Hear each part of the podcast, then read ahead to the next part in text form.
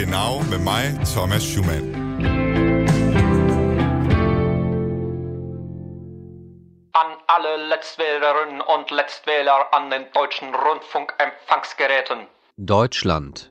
Wählen Sie die Partei Europa wieder positiv besetzen, damit Deutschland nicht erneut verliert. Ausfahrt. Ich kam vom Ping-Pong-Keller und habe mich in der Zimmernummer geirrt. Das Hotel ist etwas unübersichtlich. Aber jetzt wissen Sie, dass Sie in einer Fremdwanne sitzen und baden trotzdem Gleis weiter. 2. Einfahrt. ICE 16. Genau. Goddag og velkommen til Genau på Radio 4 med mig, Thomas Schumann. Øh, Programmet, hvor det er, at vi kigger på vores store nabo mod syd, Tyskland. Og øh, som så mange andre steder i verden, så også i Tyskland er klimaforandringerne et kæmpestort emne, og hvordan man omstiller sig til grøn energi. Forbundsregeringen i Tyskland vil gerne have halveret Tysklands udledning af drivhusgasser med 55 procent i 2030 i forhold til det, øh, udledningerne var i 1990. Og i 2050 vil man gerne se, at Tyskland bliver CO2-neutralt. Det er der nogle store udfordringer i forbindelse med at få omstillet den tyske energiproduktion til, til grøn energi. Og i dag der skal vi kigge på, hvor det er, at tyskerne får der strøm fra, og hvad det er for udfordringer, de, de står overfor. Nogle af de udfordringer, det er blandt andet voksende modstand blandt borgere rundt om i Tyskland, som frygter for deres arbejdspladser, eller som ikke vil have en vindmølle til at stå i baghaven. Men før vi kaster os over det, så skal vi først tale med Lykke Friis, øh, direktør i Tænketanken Europa, om øh, den nytårstale, som den tyske kansler Angela Merkel holdt. Hvad hæfter du der ved, øh, ved Merkels nytårstale?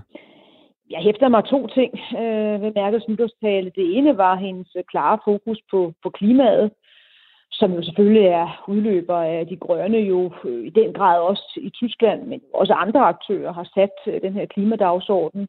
Men så hæftede jeg mig især ved, at hun havde sat sådan det lange lys på. Der var mange formuleringer, hun brugte i sin tale, som var formuleringer, hun brugte, da hun trådte til som kansler og holdt de første nytårstaler, og så for mange år siden efterhånden, hvor hun brugte udtryk som, at nu skal vi overraske hinanden, hvad vi er i stand til at præstere. Det var, det var synes jeg faktisk, det mest interessante. Hun relancerede de idéer.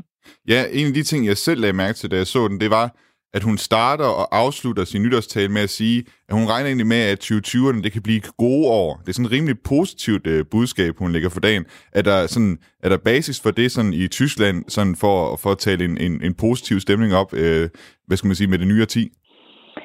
Jamen, jeg tror, det er helt bevidst, øh, simpelthen øh, fordi hun jo godt ved, at hun jo ikke kommer til selv at være kansler i, i hele perioden. Og der, der, der tror man har en tendens til øh, at se tingene i et anderledes perspektiv, end hvis man ved, at man er kansler også i de i kommende to år, øh, og tre år og fire år, så er det mere sådan et arbejdsprogram mm. øh, tale, man har. Det er det, jeg tror, der er den store forskel med den her tale. Og jeg har faktisk gjort mig ja, den, den umage at læse talerne igennem historisk, og, og der, det er bare der, man kan læse en helt udviklingsroman, fordi det her var jo så den, den 15. hun holdt af slagsen. Og der er klare paralleller for den, hun holdt i 2006 og 2007, hvor hun jo starter sin øh, kanslerperiode, hvor hun jo også, på trods af, der var der jo også, kunne man godt sige, øh, anledning til pessimisme med høj tysk arbejdsløshed. Der havde hun samme udtryk, nu skal vi overraske hinanden med, så hvad, hvad, hvad hvad vi gøre, som hun så har i den her tale. Derfor læser jeg den her tale som værende hendes måde på at sige til tyskerne, vi har utrolig meget at på. Vi står nu over for de store forandringer. De skal komme, men de kommer nok bare ikke lige her øh, i den kommende tid. Man kan vel også sige, at 2020, det bliver jo så også det år, hvor vi sådan skal begynde at tage afsked med Angela Merkel, fordi hun har jo sagt, at hun ikke, øh, fortsætter, så altså, hun vil ikke stille op som øh, kanslerkandidat øh, ved det næste forbundsdagsvalg. Ja, og derfor læser jeg den her tale som er lidt den, den første af tale. Og der, der udtrykker man sig jo nok mere hvad skal vi sige, optimistisk, end man ellers ville gøre, hvis man var midt under perioden. Det er i hvert fald det, man konstaterer, når man ser på hendes taler. Bare for i seneste år har der været meget sådan pessimisme i hendes taler, øh, og jeg håber, vi kan klare den, øh, flygtningekrise. Så det, det kunne hun jo lige så høj grad have optonet i den her tale. Der vælger hun altså det mere positive, optimistiske afsæt, og det læser jeg i hvert fald som være en del af hendes aflyttersind. Hun øh, kommer også ind på, at, øh, at det går kun Tyskland godt, hvis det også går Europa godt og øh, taler ligesom det her europæiske samarbejde op, og det er jo også en ting, som, som Tyskland de kommer til at overtage det her formandskab i, øh, i EU her ved, til sommeren i, i 2020. Hvad tror du, øh, der bliver sådan tyskernes præg på, på det her formandskab? Ja, det er rigtigt. Det er der, hvor hun, øh, hun bliver konkret. Det gør hun jo på, på klimaet, øh, altså hvor hun siger, at det er det, man skal satse på i den kommende tid, og så er det så på, på EU-delen. Og det må man jo også parentes mærke læse på den måde. Hun regner med selv at være, være øh, formand for EU så i sidste halvdel af 2020, hvor Tyskland overtager øh, formandskabet. Og det, hun siger, at Tyskland skal fokusere på, det er i hvert fald to ting. Det ene er, at der for første gang skal afholdes et egentligt topmøde med, med Kina. Øh, det vil sige, at det skal være EU-stats regeringschefer, der skal mødes med Kinas nummer et. Det kommer til at foregå i Leipzig, i den by, hvor Angela Merkel selv har, har læst. Øh, når man har haft øh, topmøder med Kina før i tiden, har det altid kun været med, øh, med EU's kommissionsformand og EU's øh, faste formand, altså Donald Tusk. Nu bliver det altså så med Mette Frederiksen, øh, næppe Boris Johnson, han er jo nok trådt ud på det tidspunkt, mm. men så i hvert fald jo så Emmanuel Macron og så videre derudad, og så Kinas nummer et. Det er det ene.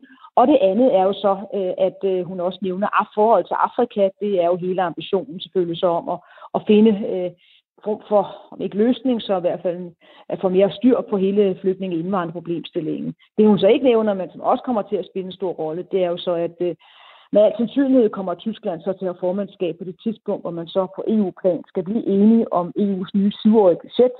Det er jo en, en af de helt, helt store sager på EU's dagsorden i 2020.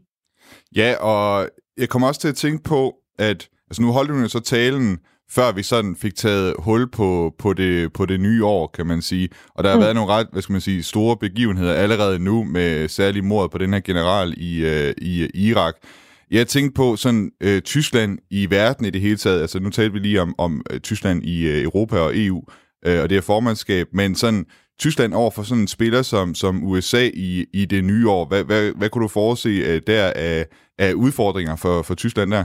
Ja, der bliver, der bliver en del, øh, og man kan sige, at nogle af dem er jo lige rundt om hjørnet, øh, og, og, og nogle af dem er jo sådan set også allerede mellem jul og nytår, øh, kom det jo så frem, at, øh, amerikanerne jo vil, vil gennemføre sanktioner over for de virksomheder, der deltager i øh, opførelsen af Nord Stream 2, altså gasledningen, der kommer til at gå fra, fra Rusland til Tyskland. Det er jo noget, hvor, hvor tyskerne jo er, er meget fortørnet, øh, og også vil appellere til EU om, og, og der skal være en fælles holdning, hvad det angår. Så er der jo andre lande, ikke mindst Polen, der er meget fortørnet over den ledning overhovedet bliver til noget, så, så det er i hvert fald en kompliceret sag.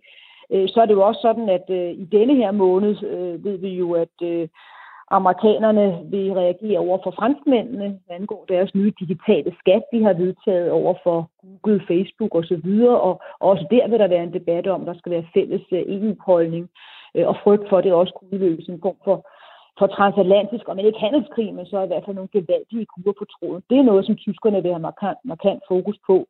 Øh, og så er det klart, at den nye sikkerhedspolitiske situation med, med Iran og Irak er jo noget, hvor, hvor tyskerne per definition altid besøge at agere sammen med andre lande, og derfor var der jo, har der jo så også allerede været fælles meldinger, som er Boris Johnson, den britiske premierminister, øh, tyske kansler, øh, og så den franske præsident, hvad det angår. Mit indtryk det er sådan, at Tyskland altid i, i sådan nogle situationer som det her, altså altid holder sig til den der sådan diplomatiske kurs, måske sådan lidt af en diplomati-duks, om man vil, eller det internationale samarbejde i hvert fald, altså hvor et land som USA eller et land som Rusland, de, de er meget bedre til, eller de kan i hvert fald måske, øh, pleje deres, deres egne interesser i højere grad. Hvor, altså, hvad, hvad er det, der gør, at Tyskland øh, satser så meget på diplomati og sådan det internationale samarbejde? Ja, altså punkt jo er Tyskland i den grad en eksportøkonomi, så man er jo altid afhængig af øh, fortsat at kunne kunne afsætte sin varer, uanset øh, hvilken konflikt vi måtte, måtte tale om. Der, der er tyskerne langt mere sårbare end, end størstedelen af landene. Og så for det andet er det jo bare sådan, at Tyskland, kvæg Tysklands historie, øh, per definition syr til politisk øh, diplomati øh, frem for at overveje den, den militære del af værktøjskassen.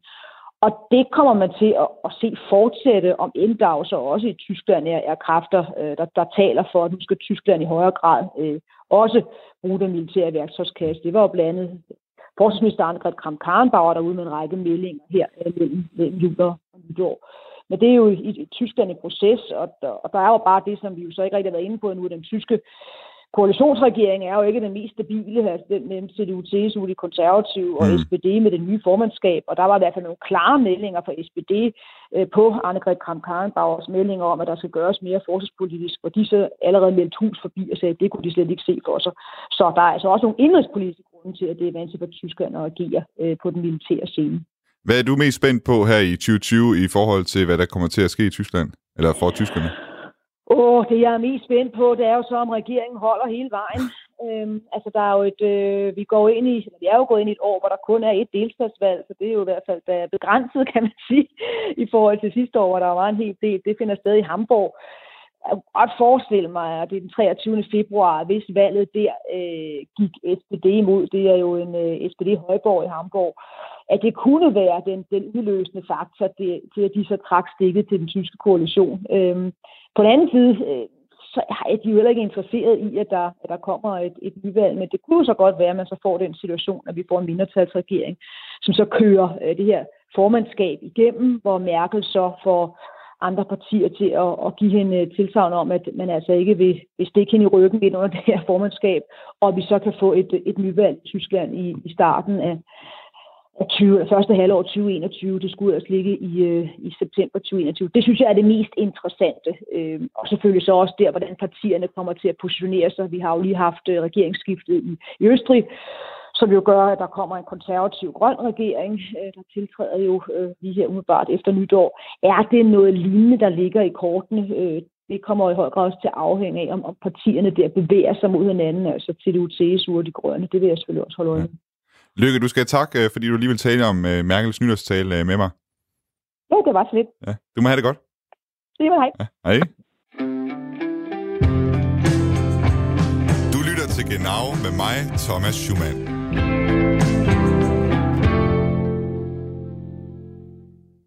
Ja, som vi hørte, så var klimadagsordenen også et af emnerne, der lå Angela Merkel på sinden i hendes nytårstale. Tyskland er ellers på vej i den rigtige retning, hvis man kigger på tallene. Fra at have udledt 1,2 milliarder tons CO2 om året i 1990, udleder man nu, hvad der svarer til omkring 866 millioner tons. Og det skyldes især, at man har fået meget mere bæredygtig energi, særlig vindkraft. I dag der er over en tredjedel af al den strøm, der kommer ud af de tyske stikkontakter, grøn. Men lagt sammen, der står kul og gas stadig for omkring halvdelen af al den strøm, der laves i Tyskland, og atomkraft er omkring på 11 procent. Tyskerne de er gode til det her med at finde på nye ord, og den her omstilling til bæredygtig energi, det har også fået sit eget ord, energivente. Og nogen vil måske huske derude, at øh, vente, det er det samme ord, man også bruger, når man taler om murens fald. Det kan oversættes til vendepunkt. Og i det her tilfælde, der drejer det altså så om et øh, vendepunkt i forhold til, hvor tyskerne fremover skal få deres energi fra. Kul er som sagt en af de rigtig store klimasyndere, og øh, en kommission, som den tyske regering har nedsat, anbefaler, at man i 2038 slukker for det sidste kulkraftværk. Og atomkraft, det vil man også af med efter ulykken i Fukushima i 2011. Og der har man altså sat en dato i 2022 for, at man også vil tage det sidste atomkraftværk ud af drift. Men selvom andelen af kul og atomkraft er på vej tilbage, og andelen af bæredygtig energi har været på fremmarsch over de seneste år, så er der stadig problemer, der venter forud, og stadig udfordringer, som skal løses, hvis man skal helt over til, til bæredygtige kilder. Det er i hvert fald noget af det, som professor Bernd Møller fra Flensborgs Europa-universitet siger. Han er professor på afdelingen for energi og miljømanagement øh, på Flensborg Universitet. Jeg talte med ham øh, tidligere på ugen om, hvordan han ser den kurs, Tyskland har lige nu øh, på vej hen mod en total grøn omstilling. Så man er faktisk meget godt på vej i Tyskland med at, at omstille sig til grøn energi. Altså det har man været indtil videre, fordi øh, situationen ser, ser mindre positiv ud. Øh, især de sidste halve års tid nu øh, har vist, at øh, det bliver meget svært at bygge nye vindmøller øh, til lands. Det har jo altid været svært at bygge offshore-kapaciteten i Tyskland, fordi øh, den største del af den tyske kyst mod øh, Nordsøen er faktisk øh, nationalpark, Vadehavsområdet. Så man, man kan ikke bygge øh, vindmøllerne der, hvor det, hvor det er billigt offshore. Man skal langt, langt ude. Og øh, det har voldt tekniske problemer og øh, en række økonomiske problemer også. Og et stort problem er den manglende øh, kapacitet til at transportere vedvarende energi øh, baseret el fra der, hvor den produceres, og det er mest i Nordtyskland, til der, hvor den forbruges, og det er overvejende i det sydlige Tyskland. Altså beslutningen, og regeringens beslutning om at udfase kernekraften efter Fukushima-ulykken i 2011, det førte jo med til, at uh, cirka halvdelen af, af, af kernekraftkapaciteten. Uh, som sagt dækkede det jo op til en tredjedel før det blev lukket ned i løbet af meget kort tid, og, øh, og det øh, skulle så kompenseres både i produktion, men også i, i transmission.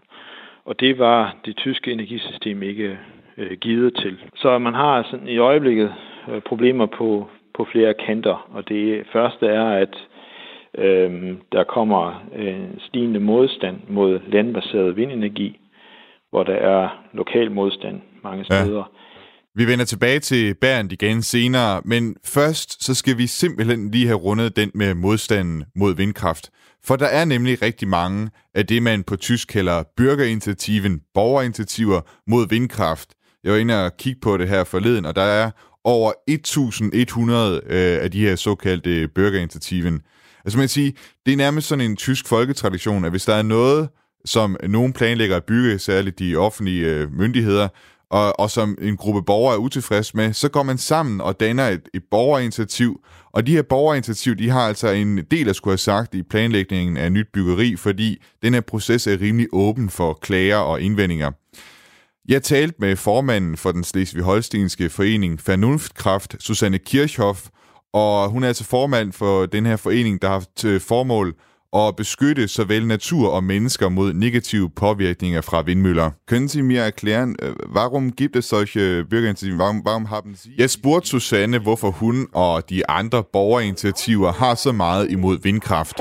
Ortschaften auf jeden Fall die Tatsache, dass die Menschen auf einmal konfrontiert werden mit sehr, sehr großen Windkraftanlagen. Das ist ja zum Ifølge Susanne så skyldes det, at folk ude i landsbyerne, de bliver konfronteret med meget store vindmøller, Øh, nogle steder i Sydtyskland, der står der altså vindmøller på 200 meters højde, ikke særlig langt fra folks huse. Nogle af de grunde, hun nævner til, at, at folk de ligesom har den her modstand, det er, at det på den ene side presser deres liv, livskvalitet, det, øh, de bekymrer sig om det lokale dyreliv, og så samtidig så, så gør det også det, at folk de spørger sig selv, om vindkraft nu også nødvendigvis er den rigtige strategi.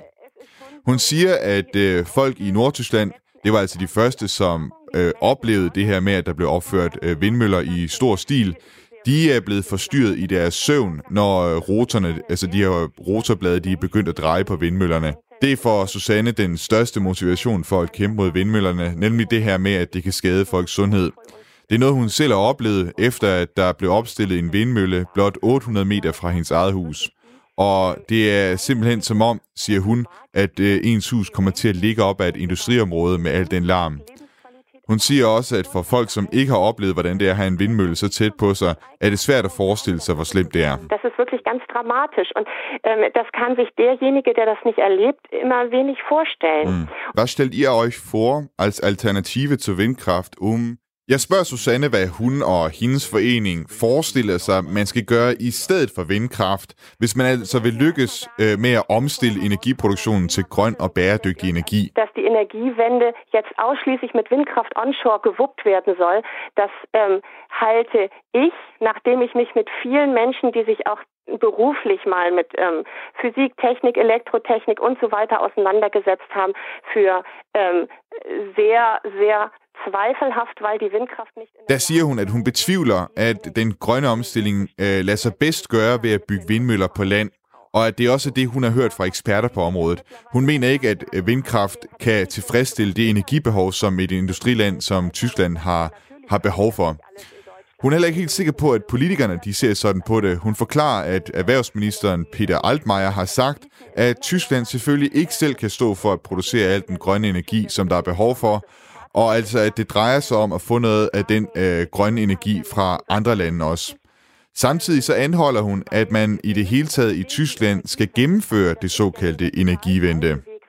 Die øh, CO2-Emission, die Deutschland weltweit, also was den Klimawandel ja wirklich verändern würde, ähm, indem nämlich signifikant die CO2-Emissionen Lige meget hvor meget Tyskland anstrenger sig for at nedbringe sin CO2-udledning, så har det ikke nogen nævneværdig effekt på den samlede CO2-udledning i verden, og derfor heller ikke nogen betydningsfuld påvirkning på klimaforandringerne, fortæller Susanne. Men ifølge hende så vil forbundsregeringen absolut vise, at Tyskland er går foran som et godt eksempel, og der mener hun altså, at det sker på bekostning af folk ude i landsbyerne, og at de lokale indbyggere også bliver presset på deres muligheder for at gøre indvendinger.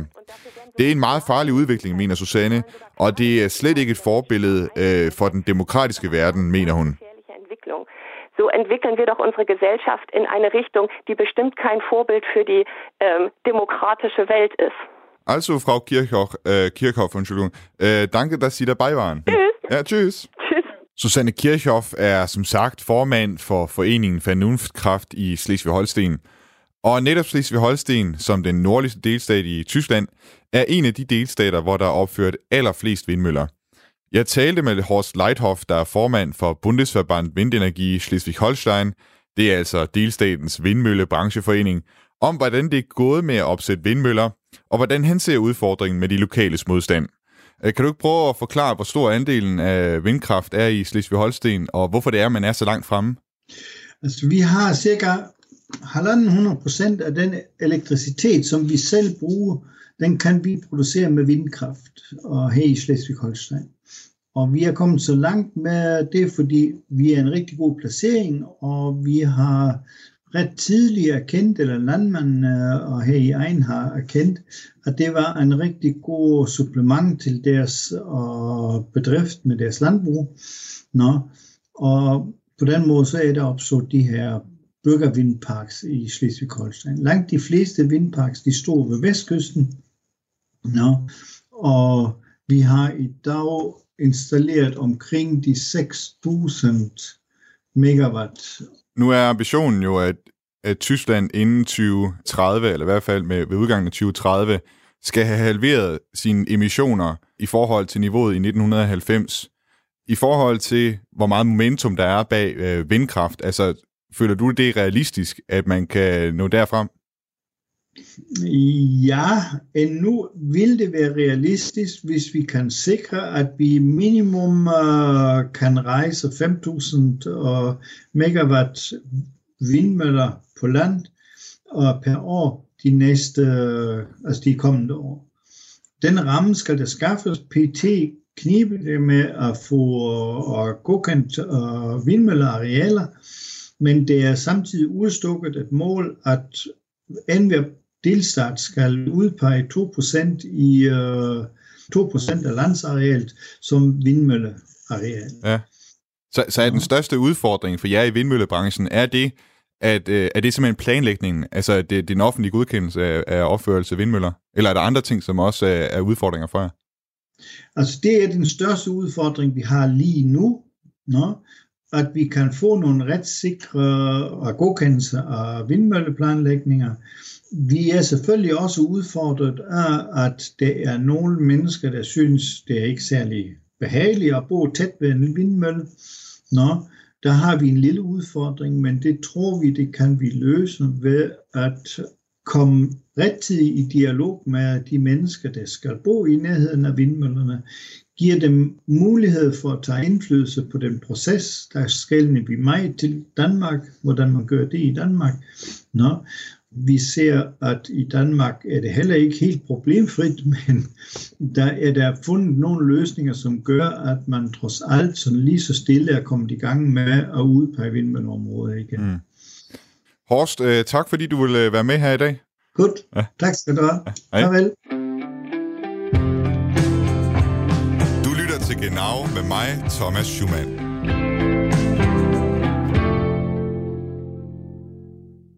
Ja, så modstanden mod vindkraft er altså til at tage at føle på, og den er faktisk så stor, at øh, de tyske socialdemokrater i forbundsdagen har foreslået, at regeringen simpelthen betaler folk for at bo tæt ved vindmøller, og at øh, man så håber, at de lokale derude, de så vil droppe deres modstand, hvis de får lidt penge for det.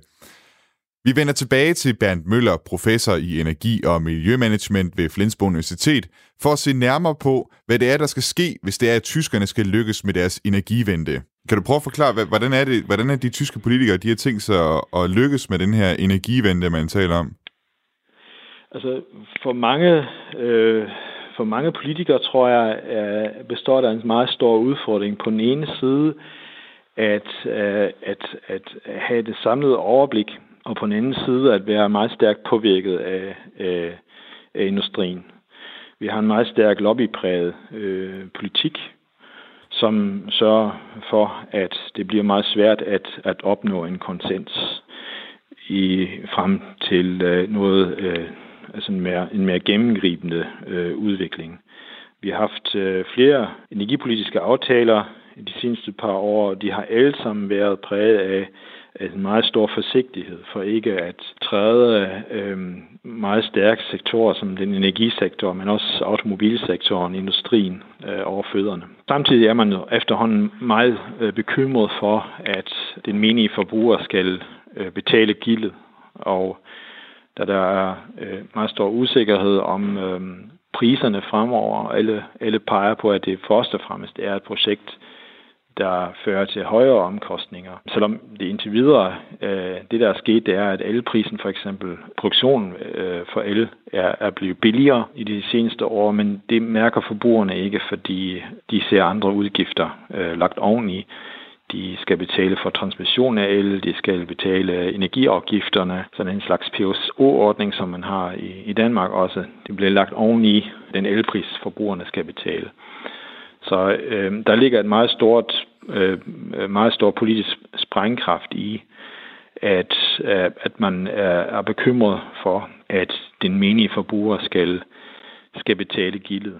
Okay, en anden udfordring, det er jo det her med, med elnettet, og så vidt jeg kan forstå, så, øh, så er det noget svært at, at transportere strøm rundt i Tyskland. Kan du lige prøve at beskrive, hvad det er for en udfordring med, med at få udbygget elnettet også? Udfordringen ligger i, at Tyskland som sagt er et meget tæt befolket land, og at man skal have de, de enkelte grundejers tilladelse hele vejen fra Nordtyskland til Sydtyskland. Samtidig har vi en federal struktur i forskellige forbundslande, delstater, hvor, hvor der er en forskellig motivation, der ligger bag. Altså i de lande, hvor vindkraften for eksempel produceres, det er øh, overvejende i Nordtyskland, de har en helt anderledes positiv holdning øh, over for problematikken end øh, dem, der ligger længere sydpå. De er slet ikke klar, over, øh, klar til at, at indgå samme slags øh, kompromiser, og det har, det har for eksempel for, for Bayerns øh, vedkommende også været brugt politisk at, at stoppe sådan en slags øh, projekter. Samtidig er tyskerne jo næsten verdensmestrene i at øh, brokke sig. Det vil sige, at der har denne sig hundredvis af lokale initiativer, som er god ret stiller spørgsmålstegn om, øh, det nu også er nødvendigt med en højspændingsledning i deres baghave. Øh, der mangler simpelthen politisk opklaring. Der, der mangler, at man fortæller folk, at øh, hør nu her, det her er for det fælles gode. Øh, omkostninger skal fordeles. Øh, man skal kompenseres på en, på en færre måde. Altså der, jeg tror, der, der springer øh, tyskerne simpelthen fra grønt til rødt øh, lige med det samme. Og det er svært at indgå en dialog med øh, 100.000 vis af, af berørte grundejere. Øh, mm. jeg, jeg tænkte på øh, her til sidst, en, en ting, som, som vi ikke har kendt til i Danmark i, i efterhånden lang tid, det er jo sådan noget som brunkul. Jeg ved, jeg ved vi har haft øh, brunkul i Danmark, men, øh, ja. men det er jo noget, som, som stadig er forholdsvis øh, stort i Tyskland. Kan du lige prøve at forklare, hvad er det, der er, øh, er anderledes ved brunkul end, hvad skal man sige, almindelig stenkul? Ja, brunkul er en meget billig brændsel, som forurener meget. Brunkul har været øh, brugt siden øh, før, altså faktisk fra før 2. verdenskrig, og det har under, under 2. verdenskrig været med til at sikre øh, energiforsyning til Tyskland, som jo ikke kunne, kunne importere energi øh, fra andre lande. Og det samme gælder også for Østtyskland, hvor DDR jo ikke haft en, en valuta, der frit kunne væk, veksles, og hvor man, kunne, øh, øh, hvor man efterhånden var, var nødt til at basere hele industriproduktionen og energiproduktionen på, på brunkul. Så man har de her to arve fra historien, hvor vi har to øh, brunkulslejre. Det ene ligger i, i Østtyskland, øh, det andet ligger i det yderste Vesttyskland. Og begge steder accepterer man, at man graver store landskabsstrøg væk for at producere billig energi. Men vi ved også nu, at skadesvirkningerne er så, så dyre, så store, at, øh, at man virkelig må stille spørgsmålstegn ved, at, øh, om det kan betale sig. Ja, hvad er det for, hvad er det for nogle skadepåvirkninger? Kan du konkretisere det? Det er jo skadesvirkninger primært øh, på CO2-niveauet, og øh, CO2-emissionen for brunkul er meget højere end fra almindelig stenkul. Det næste er, at man graver landskaber væk, som bagefter ligner månelandskaber. Det vil sige, at man fjerner skove, marker og hele landsbyer, offer dem for, for brunkullene, og det har en lokal virkning på øh, grundvandskvaliteten. Fordi man er nødt til at lave meget store huller i jorden, så man holder frit for, for grundvand. Bernd, du skal rigtig mange tak, fordi du øh, ville være med her i dag.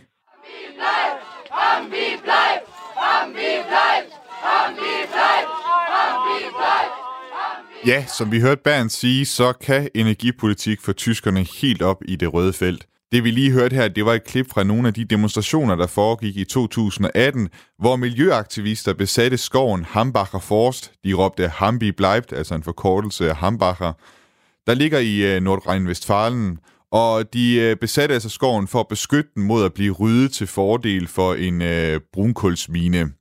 Det endte simpelthen med, at politiet de måtte gribe ind og rydde skoven for aktivister. Men der er altså også nogle tyskere, for hvem øh, brunkul det er mere end bare CO2-svineri, forurenet grundvand og kraterlandskaber. Jeg har talt med Wolfgang Rupiber, der er formand for foreningen Pro Lausitz. Lausitz, det er et af de her områder over i Østtyskland. Det ligger altså simpelthen over af mod grænsen mod Polen og Tjekkiet. Og øh, foreningen Pro Lausitz, de er på kant med miljøaktivisterne, øh, da de frygter en affolkning af deres lokalmiljø, hvis kulkraftværkerne i området bliver lukket for hurtigt og uden øh, alternativer til, hvad folk så skal beskæftige sig med. Altså, herr Rupiber, ich möchte gerne wissen zuerst, also Braunkohle und Lausitz, øh, äh, diese zwei Begriffe oder diese zwei Wörter, wie eng sind die zwei miteinander verbunden? Ja, die Lausitz ist seit äh, über 100 Jahren eine Industrieregion und zwar eine Industrie... Jeg spurgte Wolfgang, hvor tæt forbundne folk i Lausitz er med det her brunkul. Han fortæller, at Lausitz i over 100 år har været et industriområde, hvor brunkullet har spillet en helt central rolle, øh, både ved udgravningen af brunkul og ved elproduktionen. Det er naturligvis præget ikke bare de folk, der bor der, men også naturen, og landskabet vil også i lang tid ud i fremtiden bære tegn efter brunkulsindustrien. Folk i området de er stolte over det her, det her hårde arbejde, de har leveret i minerne og i kraftværkerne. De forsyner ikke bare regionen, men hele Tyskland med strøm, og som Wolfgang siger, til en god pris og med stor pålidelighed, både nat og dag. Det hårde arbejde har givet folk deres identitet, så brunkullet er simpelthen en del af folks identitet i Lausitz. Det ser man blandt andet i idrætsforeningerne, hvor man synger minearbejdernes sang, eh, Das Steigerlied.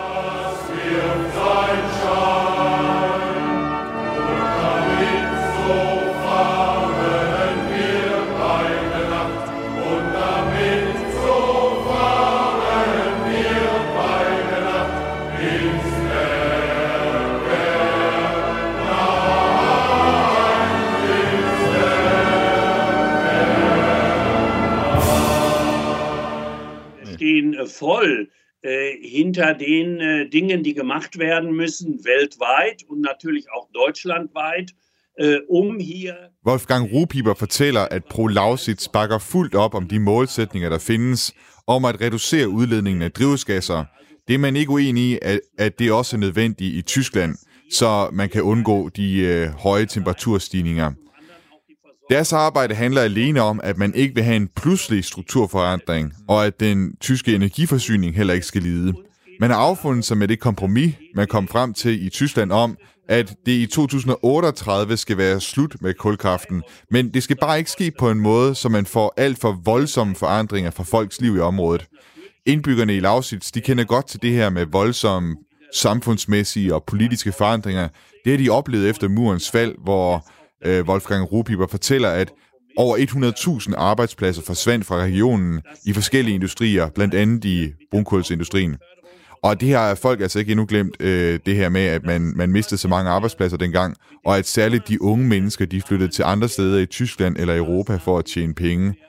Og det vil man så fra Pro Lausitz øh, side gerne undgå gentager sig, og derfor kæmper man for at få støtte fra staten til at få og også til at få nye virksomheder til at slå sig ned, så særligt de unge de kan finde øh, beskæftigelse i området. Det skal gerne være godt betalte industriarbejdspladser, og det kræver altså forbundsregeringens hjælp, mener Wolfgang Ruhpieper. Und zwar gut bezahlte Arbeitsplätze, gut bezahlte Industriearbeitsplätze. Und da muss uns gesamtsolidarisch jeder Bundesbürger helfen. Das heißt, da ist die Bundesregierung in der Pflicht. Und wie von eurer Seite bei äh, Pro Lausitz, wie stellt ihr euch vor, dass die Region in der Zukunft aussehen soll ohne die Braunkohle? Was, was, wovon sollen dann die Menschen leben? Ja, wir sind eine Energieregion. Wir wissen, mit Energie umzugehen. Wir wissen, Energie zu erzeugen. Wir wissen, Energie... Jeg spørger Wolfgang, hvad Pro Lausitz forestiller sig folk, de så skal leve af i Lausitz fremover, hvis ikke brunkul. Han svarer, at man i Lausitz har god erfaring med elproduktion og god erfaring med eldistribution, og at universiteterne i området også har gode erfaringer med energilæring. Og netop det kommer til at være relevant under energivente. Altså strømmen fra de bæredygtige kilder skal jo distribueres, øh, og elnettet skal udvides. Og man bliver også nødt til at finde ud af, hvordan meget af den her energi, der kommer fra sol og vind, den kan blive lagret. Og der er forskellige muligheder, som de tekniske universiteter i Lausitz har erfaring med.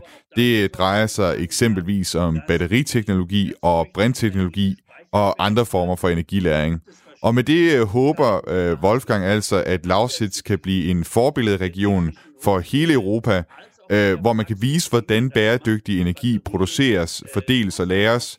Men det kræver altså både penge og at gode hoveder, de slår sig ned i Lausitz for at udvikle det her. Und, und Braunkohle, also in der Zukunft, stellen Sie sich vor, dass man das überhaupt, äh, die Braunkohleindustrie, könnte das überhaupt äh, klimafreundlich benutzt werden oder muss das äh, komplett weg, um diese diese Klimawandel, diese Energiewende zu, zu verlenden? Ja, wir hatten in der Lausitz entwickelt äh, ein, äh, ein System, eine Technologie, mit der die Braunkohleverstromung auch CO2-neutral øh, äh, stattfinden Jeg spørger, om han overhovedet kan se en fremtid for brunkul i Lausitz, når energivende er gennemført. Og her der siger han, at man i Lausitz faktisk arbejdede på en teknologi, der kunne gøre brunkullet CO2-neutralt. Det drejer sig om CCS og CCU-teknologien, altså det, som på engelsk hedder Carbon Capture Storage og Carbon Capture Utilization. Kort fortalt så går det ud på at indfange CO2'en, før den rydder ud af skorstenen på kulkraftværkerne, og så enten deponere det i underjordiske kamre, eller bruge det som råstof til produkter, der ikke udlever drivhusgasser. Systemet det blev udviklet i Lausitz og var egentlig klar til at gå på markedet, fortæller Wolfgang, men det blev afvist af politikerne. I mange andre lande, der bliver der, der bliver der udviklet videre på den her teknologi. Eksempelvis er der i Indien et øh, kulkraftværk, fortæller Wolfgang, som bruger CO2'en fra kraftværket til at lave andre kemiske produkter.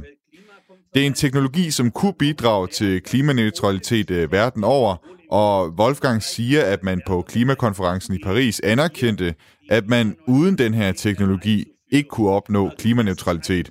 Altså på den måde, så kunne det være en mulighed for at beholde brunkullet.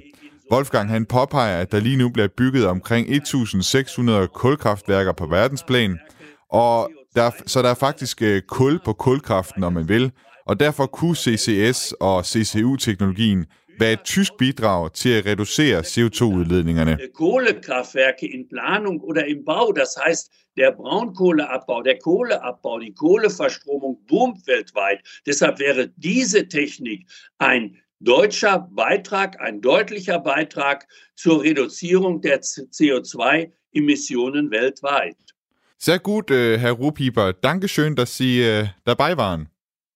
Okay, ich habe zu danken, dass Sie sich für die Lausitz äh, interessieren und ich wünsche Ihnen und allen denen auch ein gutes, sehr gutes 2020. Und äh, Sie sind ja auch Vorreiter in erneuerbaren Energien, in der Speichertechnologie. Und das finde ich auch toll. Und das ist auch äh, nachahmenswert. Also alles Gute für 2020. Ja, danke schön. Gleichfalls. Ja, som du måske kunne høre, så nåede Wolfgang også lige at ønske ikke bare mig, men alle danskere et godt øh, 2020. Han nåede at sige, at Danmark er for, foran på bæredygtig energi og opbevaring af energi, og det mener han er både fedt og efterstræbelsesværdigt. Så dermed lidt ros fra Lausitz. Genau med mig, Thomas Schumann.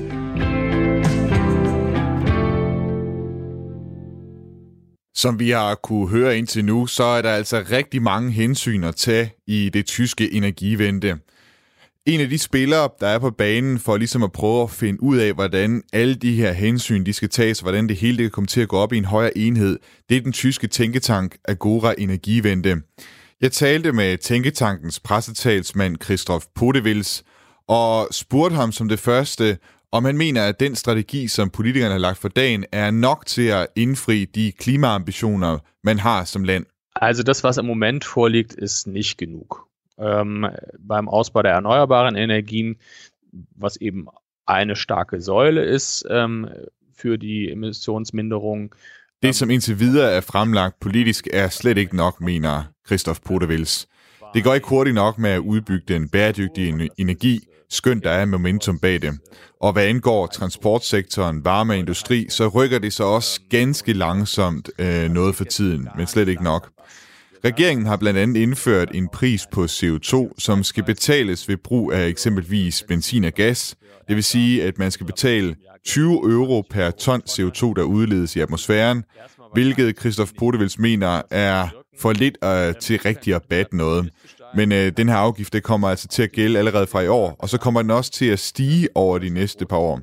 Og her det håber Christoph Podevils, at øh, det vil hjælpe med at indfri de mål, man har for at øh, reducere drivhusgasserne. Han påpeger også, at man også kunne være skeptisk over for de klimamål, der tidligere er blevet sat. Han påpeger, at i 2015, der satte man som mål, at 20 procent af energien skulle være bæredygtig i 2020. Dengang der virkede det helt vildt ambitiøst, og som noget af det vildeste, man kunne forestille sig, og alligevel ligger man altså i dag i 2020 omkring det dobbelte af det mål. I sidste ende er det her altså et spørgsmål om, hvad politikerne rent faktisk vil, og hvor stor en indsats de vil lægge i det. Og Christoph Podevils fremhæver, at der nu også fra EU's side er medvind, og at industrien for alvor har anerkendt, at man skal til at levere. Så Christoph Podevils vil ikke udelukke, at det kan lade sig gøre, men der skal altså til at ske noget nu. An welche Quellen soll man gehen, wenn, wenn zum Beispiel die Sonne oder die, die Wind nicht weht, äh, in der Zukunft? Mhm. Also da glaube ich, kan Deutschland einiges von Dänemark lernen. Deutschland, Dänemark ist, der das Land med Europa, vende tilbage i den her diskussion om klimaforandringer og energiomstilling. Og det er det her med, hvor er det så, Tyskland skal få sin energi fra i fremtiden, når man har dage, hvor solen ikke skinner og vinden ikke blæser. Og her mener Christoph Podevils, at man kan lære noget af Danmarks eksempel. Han siger, at Danmark er det land i Europa, hvis elnet er bedst forbundet med sine naboer, og derfor kan man transportere strøm fra eksempelvis Norge til Danmark og fra Danmark til Tyskland. Kort sagt kan man hente strømmen der, hvor den findes. Og med undtagelsen af om natten, så er der oftest altid et sted i Europa, hvor solen den skinner, og der er nok også altid et sted, hvor vinden blæser. Og spørgsmålet er altså at få bragt strømmen derhen, hvor der er behov for den, og derfor er det så vigtigt at få udbygget det tyske elnet. Og der sker altså også noget aktuelt i Tyskland, ikke kun inden for landets grænser, men også over mod nabolandene. I disse dage der bygges der eksempelvis et søkabel mellem Norge og Tyskland, som kan transportere lige så meget strøm, som et atomkraftværk kan producere. Et andet kabel skal bygges til Belgien, og så er man efterhånden godt forbundet med Frankrig, Schweiz og Østrig. Det er altså den ene side af, hvordan altså det her med at få strømmen til at flyde bedre hen over landegrænserne. Men der vil også være de her sjældne dage i Europa, hvor der mangler strøm, og der skal man overveje, om det skal dækkes med backup-kraftværker. Altså det er sådan nogle gaskraftværker, og dem har man i Tyskland allerede, hvad der svarer til 30 gigawatt af. På længere sigt, der kan man overveje, om ikke naturgassen i de her gaskraftværker skal erstattes med gas, der er fremstillet på baggrund af bæredygtige kilder. Ved hjælp af vindkraft, der kan man eksempelvis lave metan, og på den måde kan man lave energi, der kan opbevares. Problemet med metan er imidlertid, at det er relativt dyrt at fremstille, så det skulle kun være i de sjældne tilfælde, hvor der vidderligt hverken er sol eller vind i Europa, og det er ikke noget, der ligesom kan køre over flere uger eller måneder. Potevilsen siger også, at man i 2019 ikke på noget tidspunkt havde nogen problemer med at få strømmen dækket. Så Altså, det er ikke noget, som kommer til at være et alt for stort problem. Som det sidste, så fremhæver han, at der også rundt omkring i Tyskland er borgere, som har købt batterier, som de kombinerer med deres solceller på tagene, tagene og på den måde får strøm. Og at batterier også er noget, der er ved at så småt at blive udrullet på en lidt større skala. Men ligesom med metanen er det her altså noget, der er så dyrt, at det ikke kan bruges til at dække energibehovet flere måneder, men øh, måske mere er noget, man kan bruge til at få dækket nogle af de huller, der er i løbet af, dagen, altså i nogle timer ad gangen. Danke, der siger der bejvaren. Ja, ja. danke Ihnen. Ja, danke. Tschüss. Du lytter til Genau med mig, Thomas Schumann. Og vi er så småt ved at være mod vejs ende i det her program, og har kigget på rigtig mange af de her udfordringer og løsninger og alt muligt, som kan være med til at sikre Tyskland en grøn omstilling i fremtiden. Hvis vi skal kigge lidt ud over de teknologier, vi har talt om i dag, som oftest forbindes med den grønne omstilling, så er der også nogle spændende teknologier, som der er forskes i lige nu, og blandt andet i Tyskland. I Tyskland der har man såkaldte fusionsreaktorer, øh, flere steder. Man har blandt andet en i Greifswald, der ligger ved Stralsund, øh, det er samme område, som er tæt på Pinomünde, det sted, hvor tyskerne også udviklede deres V2-raketter, sjovt nok. Men der har man altså en, en forsøgsreaktor, hvor man prøver at udvikle fusion. Og for dem, der ikke ved det, så fusion det er en slags atomenergi, hvor det er, at man bruger brint øh, ved at smelte det sammen ved høje temperaturer, så udløser det energi. Og der er en dansker, der arbejder med på den forsøgsreaktor, der findes der i Greifswald. Han hedder Thomas Sund Pedersen, og jeg ringede til ham for at høre, hvad det er, der er perspektiverne i den her energi med fusionskraft. Kan du ikke prøve at forklare mig, øh, den her teknologi med, med fusionskraft, det bliver jo sådan spået som sådan en, en teknologi, der ligesom kan løse alle vores energiproblemer. Kan du ikke lige prøve at forklare, hvorfor det er? Jo, Altså det kan, den, det kan den virkelig godt. Det er bare ikke så nemt øh, at få det til at fungere i virkeligheden. Men det kan den virkelig godt. Der, der er så meget energi øh, i den proces og i de brændstoffer, der er brug for, at alene i, øh, i verdenshavene på jorden vil man kunne ekstrahere en lille bitte, altså langt under en procent af, af, af, verdenshavenes øh, deuterium, for specifikt, og måske også noget lithium, Uh, og så ud af det kan man lave deuterium og tritium og, uh, og lave fusionsenergi. Og det kan man faktisk få til... Hele verden kan blive forsynet med elektricitet i millioner af år. Ja. Og det er ikke overdrevet. Det er virkelig millioner af år, at der er brændstof til. Og det er bare den første fusionsproces, uh, som vi kan um, bruge. Der er andre, som er svære at nå, men som man også vil kunne bruge til at, at, at få, få energi ud af. Så ja. jeg tror, det vigtigste, når folk de hører atomkraft, øh, det er, der har de problemer med to ting. Det ene det er, at der kan ske øh, et, et stort, en stor ulykke, ligesom Tjernobyl eller sådan noget, og det andet det er affaldet. Og de to problemer, de er, det første problem er simpelthen væk, øh, fordi at vi har ikke brug for at have et halvt års brændsel i øh, maskinen for at få det hele til at fungere. Vi behøver ikke have mere end, end under et gram brændstof inde i vores reaktor på et givet tidspunkt. Og det øjeblik, at man ønsker at stoppe processen, der lader man bare være med at tilføre mere brændstof, og så går det ud af sig selv inden for nogle få sekunder. Simpelthen fordi der er ikke ret meget brændstof af gangen. Det er enormt varmt, men det er også enormt tyndt, og det er meget, meget små mængder, som du tilfører. Det er lidt mere ligesom, når man kommer ekstra kul ind i, i øh, et kulkraftværk, eller at man har en, en gasflamme, der brænder. Det øjeblik, at du, du lukker for gassen, der holder flammen også op. For der er ikke mere brændsel tilbage. Hvad med radioaktiviteten? Så radioaktiviteten er, er sådan, at øh, processen selv skaber som øh, aske helium, og der kommer også en neutron ud. Den neutron, den skal man så fange i et materiale, som øh, man sørger for ikke skaber radioaktive materialer, som kommer til at være der i lang tid. Der findes materialer, hvor vi kan beregne os frem til, at I også kan, kan måle med eksperimenter, at der vil man med et fusionskraftværk, altså jo længere du, du kører det, des mere helium har du produceret, og helium er jo ufarligt. Øh, men du vil også have en vis aktivering af selve kraftværket. Altså hedder, det betyder, at det er egentlig kraftværket selv, og ikke det hverken brændsel eller det affald, der er radioaktivt, men selve, selve kraftværket vil, vil være lettere, let radioaktivt ligesom efter, efter 30 års. Det bliver simpelthen bestrålet, og så... Det bliver, det bliver ja. kontinuerligt bestrålet, ja. når man laver energien. Og øh, der må man sikre sig, at, øh, at den bestråling, og det er så de her neutroner, der kommer ud, at den bestråling, den øh, foregår over for nogle materialer, som ikke har, ikke kan transmutere til til noget, som har en, en meget lang levetid, eller mm. bliver meget radioaktivt. Der, må, der er visse ting, man skal undgå at have, for eksempel i sit metal. Der findes materialer, som øh, man faktisk har i dag. Nogle af dem, skal, vi skal udvikle flere ting, men meget af det findes allerede i dag, som mm. vil måske have været 50 år eller sådan noget, før det er ned på et niveau, hvor man vil kunne recycle det og bruge det til, til et nyt kraftværk, eller man ikke behøver at bekymre sig noget særligt om, om øh, oplagring. Ja. Det er en helt, helt anden historie end de her 100.000 år, eller ja øh, den størrelsesorden, som vi snakker om for, øh, for normal atomkraft. Men det lyder jo fantastisk med, med sådan en øh, øh, rimelig ren energikilde, som kan vare i, i millioner år. Hvorfor har vi det så ikke?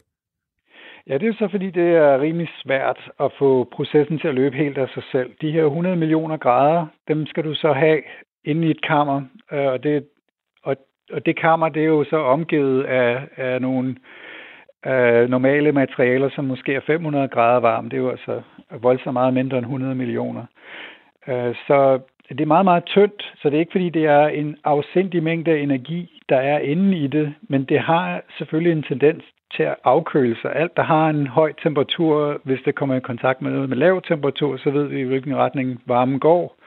Og sådan er det også med plasma. Der, hvor det er, er, har været svært øh, for os indtil videre, det er at øh, nå de 100 millioner grader med eksterne varmekilder, som vi i sidste ende vil kunne slukke for, fordi at fusionsprocessen selv holder plasmaet varmt.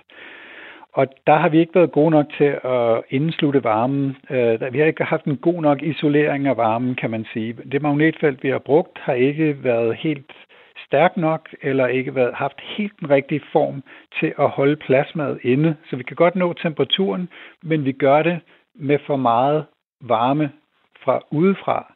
Du er nødt til at komme øh, mere energi i, bare for at holde det varmt, ja. end det selv producerer for at holde det varmt. I sidste ende, der, der vil man gerne derhen, hvor fusionsprocessen selv øh, holder plasmaet varmt, og du faktisk skal slukke for det eksterne. Det er lidt ligesom at prøve at tænde ild i pejsen øh, med noget træ, som ikke er helt tørt. Man ved, at hvis man først får overvundet startproblemerne, så at sige, så når det først brænder, så kan du også lægge et nyt stykke på, og det skal nok tørre, tørre og begynde at brænde på et tidspunkt. Men indtil man kommer der, så hver gang man kigger væk, så går, så går branden ud. Og det er, der, det er der, vi er nu. Kan man sige, at Tyskland er sådan en af de førende lande inden for at udvikle fusionskraft eller eksperimentere med fusionskraft?